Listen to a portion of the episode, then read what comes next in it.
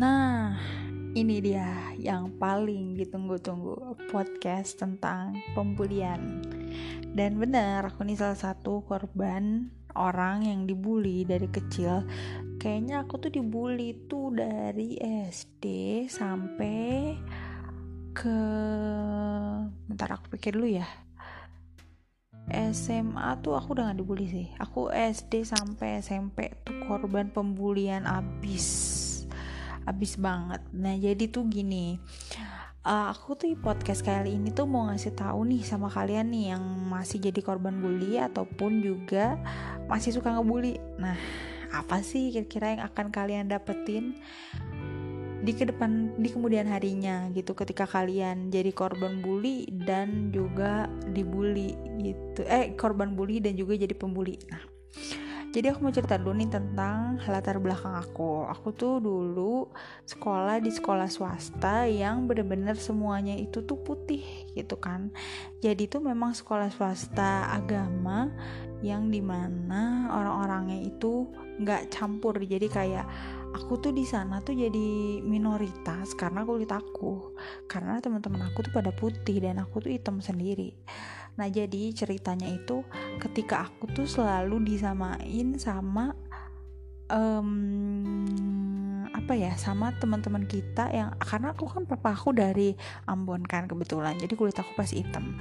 Nah aku tuh selalu disamakan sama negara yang ada di uh, uh, Afrika gitu loh. Dengan sebutan kayak gitu tuh aku kadang-kadang kesel. Dan pasti kesel sih namanya anak kecil yang gak sih? Dan aku tuh ngerasa bahwa kulit aku tuh jelek. Nyampe pernah ada temen aku yang kayak bilang Helen Helen kenapa sih leher kamu kok hitam banget? Dan di situ aku tuh kayak ya gimana? Udah tahu kan ini liputan kulit kan? Pastilah namanya pigmen kulit bersatu di situ ya kan oh dari situ tuh aku tuh sering banget nangis itu kayak pulang-pulang. Cuman aku nggak pernah merubah kulit aku gitu. Karena emang nggak tahu kenapa ya kulit aku tuh waktu kecil tuh lebih hitam daripada kulit aku sekarang. Jadi kayak beda aja gitu. Nah, dilanjutin lagi nih, SD aku tuh setengah di Bandung, setengah di Jakarta. Nah, waktu di Jakarta ini aku um, dibulinya tuh karena aku punya tanda lahir gitu di tangan kanan. Nah, tanda lahirnya itu tompel. Nah, tompelnya itu hitam dan disebutlah sama kakak kelas aku nih, aku tompel Arab gitulah nah ada tuh kakak kelas yang bener-bener setiap upacara jadi kayak mereka tuh cowok-cowok kayak ngebully aku gitu tapi aku kayak bodoh amat soalnya mohon maaf ya mereka tuh kayak kerjaannya tuh cuman ngebully tapi otaknya tuh kosong gitu. Jadi mereka tuh kayak ada kebanggaan ketika mereka ngebully aku. Tapi aku tuh udah tahu bahwa mereka tuh jelek gitu di pelajaran di mana mana pun jelek. Jadi kayak aku nggak peduliin mereka bully aku gitu. Tapi tuh di situ aku jadi kayak orangnya lebih keras gitu. Jadi aku tuh lebih emosian. Terus kayak misalnya nah aku tuh mulai kayak kan aku dibully. Terus aku mulai ke uh, ngerjain orang gitu. Jadi kayak uh, ya teman aku bulunya dicabut lah pakai pakai solasi yang hitam. Itu kan benar-benar sakit ya. Terus aku kuncin temen aku di kamar mandi. Nah, udah gitu, tapi tahu nggak sih ternyata ketika aku udah masuk, aku SMP tuh pindah ke Bandung dan tiba-tiba ke kelas yang ada tuh kepala gengnya tuh ternyata ternyata suka sama aku. Bener kan katanya ada orang kalau kita masuk BK tuh kalau misalnya kita suka dijanji dijailin sama cowok tuh pasti BK-nya kayak ngomong ah kamu tuh ngejailin pasti karena kamu tuh suka kan sama dia gitu kan. Dan itu bener-bener terjadi. Ternyata si cowok ini tuh emang caper aja gitu sama aku.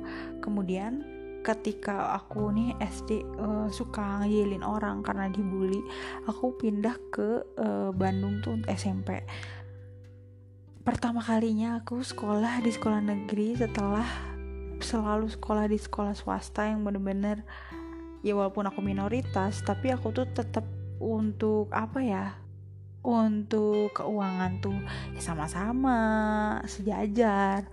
Untuk cara pikir juga sejajar keluarga juga ya gitu-gitu aja latar belakangnya. Ketika di negeri itu gila aku bener-bener kayak kaget banget. Bahkan nyampe aku tuh pengen nangis bukannya aku lebay apa gimana ya tapi ini tuh bener-bener mohon maaf ya maksudnya negeri aku biasa sekolah di kota terus tiba-tiba pindah ke negerinya tuh yang agak terpelosok gitu loh dan beda lah maksudnya bukan aku ngerdain maksudnya dari uh, mereka untuk berbaul sosial sama tetangga-tetangga caranya ngomong caranya makan semua tuh beda banget. Sama uh, aku di Jakarta juga. Terus tiba-tiba pas aku pindah ke sana tuh welcome bener-bener kayak masuk ke neraka. Jadi aku di sana itu abis dibully itu tuh hampir sama sekelas. Sekelas bukan kayak cuman sama kakak kelas lagi. Bukan cuman kayak dikatain item-item lagi. Enggak ini tuh bulinya udah parah. Nyampe aku masuk kelas terus kayak ada cewek yang bilang kayak e, oh dia ini agamanya hmm, gitu. Jadi kita harus bully kita harus uh, jauhin dia di depan aku loh. Terus akhirnya kayak aku tuh males juga gitu ngeladenin orang itu kayak ngabis-ngabisin tenaga juga ngapain? Eh berlanjut dong di mana si kursi aku tuh digambar sama uh, logo agama aku. Jadi kalau misalnya kalian tahu ya misalnya aku kan Kristen dia itu tuh ada salib gitu. Nah mereka tuh gambar salib di belakang uh, kursi dari kayu pakai spi uh, pakai triple pakai apa sih namanya itu? Yang putih itu aku lupa ditulislah orang gila gitu kayak gila ini tuh baru masuk SMP kelas 1 baru hari-hari pertama udah kayak gitu. Tapi untungnya itu aku punya temen yang bener-bener walaupun dia agamanya beda sama aku dan agamanya kuat banget tapi dia tuh waras gitu nggak kayak mereka terus aku datang lagi ke ini kayak ini ber, kayak tiap hari tuh ada aja kejutannya. Terus beberapa hari kemudian tuh aku masuk kelas terus tiba-tiba uh, jadi mereka tuh kayak lagi ngumpul-ngumpul gitu mereka ketawa-ketawa terus mereka bilang kayak gini kamu tahu nggak ada satu orang yang bilang kayak gini cowok? Kamu tahu nggak sih kenapa Helen tuh hitam? Iya soalnya waktu dulu waktu ibu-ibunya masak waktu dia masak ketan katanya ketan kan hitam. Terus me, dibuka magicomnya terus meledak karena mukanya jadi dia hitam. Padahal hitamnya aku sama hitamnya mereka tuh sama tahu nggak sih? Cuman aku merasa udahlah ngapain juga aku buang-buang waktu ya sama mereka? Nah kebetulan juga untuk um, bisa dikatakan aku dibanding sama orang-orang yang ngebully itu untuk akademis masih lebih bagusan aku gitu kan. Nah mereka tuh banyak banget ngabisin waktu untuk kayak ngebully-bully aku aja dan aku fokus untuk tetap belajar tentu untuk ikutan lomba gitu. Dan selanjutnya aku juga pernah masuk ke kelas gitu terus tiba-tiba aku kaget banget di mana satu tas aku itu basah dong. Dimasukin ke got. Niat banget gak sih? Aku nggak tahu ya apa mereka masukin ke got di bawah lagi atau misalnya emang air got aja disiram di situ tapi bener-bener tas aku tuh basah dan cuma tas aku doang. Itu sumpah sih yang ngerjain aku tuh emang kurang ajar deh. Jadi semua buku aku tuh basah dan gak bisa kebaca lagi bener-bener sih aku maksudnya kayak nggak habis pikir aja gimana caranya anak SMP bisa sejahat itu gitu sama temennya. Di mana aku yang sekolah sebelum-sebelumnya tuh selalu ngajarin bahwa ketika lu ditampar pipi kanan lu kasih pipi kiri lu gitu dan nggak pernah ngelawan. Bener-bener diajarin diajarin kebaikan setiap hari pas masuk ke sini kayak gue masuk ke neraka. Dari situ tuh kayak bener-bener deh gimana ya? Gak ada yang belain. Dan untuk makanan di kantinnya pun gak gimana ya? Gak terlalu jadi kayak gimana sih ngebangun mood mood lu tuh ancur aja kayaknya di kantin itu. Kayaknya kalau ada yang enak di kantin agak menolong lah ya. Jadi tuh jelek aja kayaknya masa waktu SMP itu dan tapi waktu SMA tuh gue udah gak ada masalah teman-temannya di kota gue pindah ke sekolah kota itu udah normal orang-orangnya berpikiran jernih. Dan lebih baik bukan gue ngejelekin orang yang nggak bukan tinggal di kota ya cuman memang beda SDM-nya dan ketika gue sekarang gue lihat ternyata orang-orang yang ngebully gue itu nggak lebih bagus daripada gue gitu. Bukan gue sombong ya maksudnya ternyata tuh emang bener-bener maksudnya ketika lu menabur yang baik lu menerima yang baik ketika lu menabur yang jelek lu menerima yang jelek. Dan bener aja sekarang orang-orang yang ngebully gue itu nggak jadi apa-apa.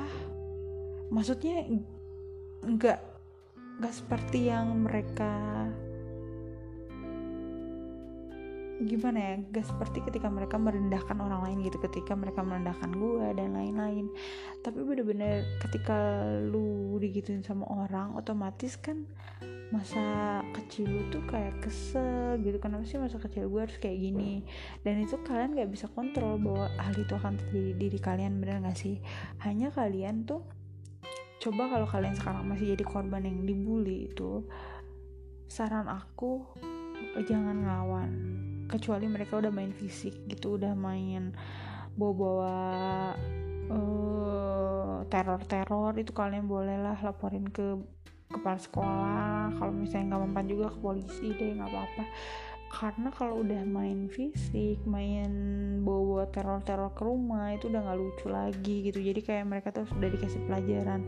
Tapi selama dia masih verbal verbal kalian coba aja deh jauhin mereka dan juga uh, kalian berdoa buat mereka dan kalian juga abisin waktu kalian buat hal yang lebih baik dan kalian bisa buktiin sama mereka bahwa mereka itu nggak ada apa-apanya dibanding kalian. Maksudnya kali mereka itu salah menilai kamu gitu.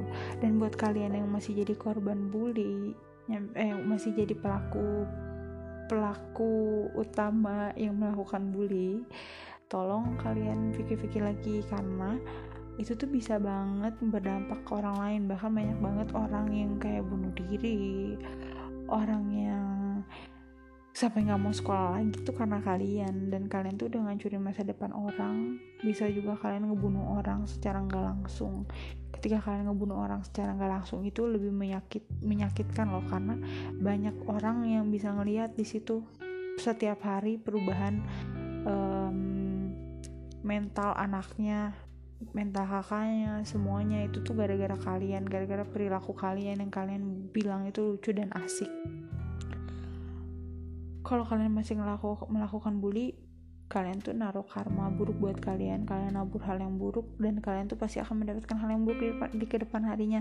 Bisa terjadi sama kamu bisa terjadi sama anak kamu nanti. Jadi kalian harus hati-hati buat ngelaku untuk melakukan segala segala hal di hidup kalian gitu. Karena buat kenapa sih kalian nggak coba untuk mengganti misalnya nih kalian nih kalau misalnya kalian tetap masih mau ngebully orang itu kalian bisa tahan dengan mengelak menge, apa ya bisa nggak sih kalian ganti kata-kata bully kalian dengan doa? Jadi mungkin agak susah ya awalnya misalnya nih kalian gak suka nih karena dia tuh gendut misalnya. Terus kalian bilang begitu maksudnya ke dia hai kamu. Tapi kayaknya nggak mungkin bisa. Gue nggak ada sih nggak ada cara selain kalian berubah. Kal sebenarnya untuk kalian tuh bukan harus merubah dia menjadi gak gendut lagi tapi kalian harus merubah mental kalian cara berpikir kalian sendiri. Yang ada masalahnya tuh bukan dia tapi kamu. Jadi buat kalian yang masih ngebully langsung tobat sekarang karena nggak tahu ya udah berapa banyak orang yang sakit hati dan nggak bisa lagi disembuhin. So segini aja podcastnya kali ini. Semoga buat pada korban bully kalian menjadi lebih positif melakukan hal-hal lebih baik setiap harinya terus bahagia. Dan juga untuk korban untuk pelaku bullying kalian harus berhenti karena kalian nggak tahu kapan umur kalian kalian gak tahu apakah kalian akan membutuhkan orang yang kamu bully di ke depan harinya? Siapa tahu mereka yang nanti bisa but yang bisa nolong hidup kamu di ke depan harinya nggak ada yang tahu. Jadi jangan sampai kalian nutup rezeki kalian gara-gara mulut kalian yang pedes. Itu yang pengen ngomong kejahatan-kejahatan tolong ditahan. Segitu aja podcast aku kali ini. Jangan lupa dengerin podcast lainnya. Terima kasih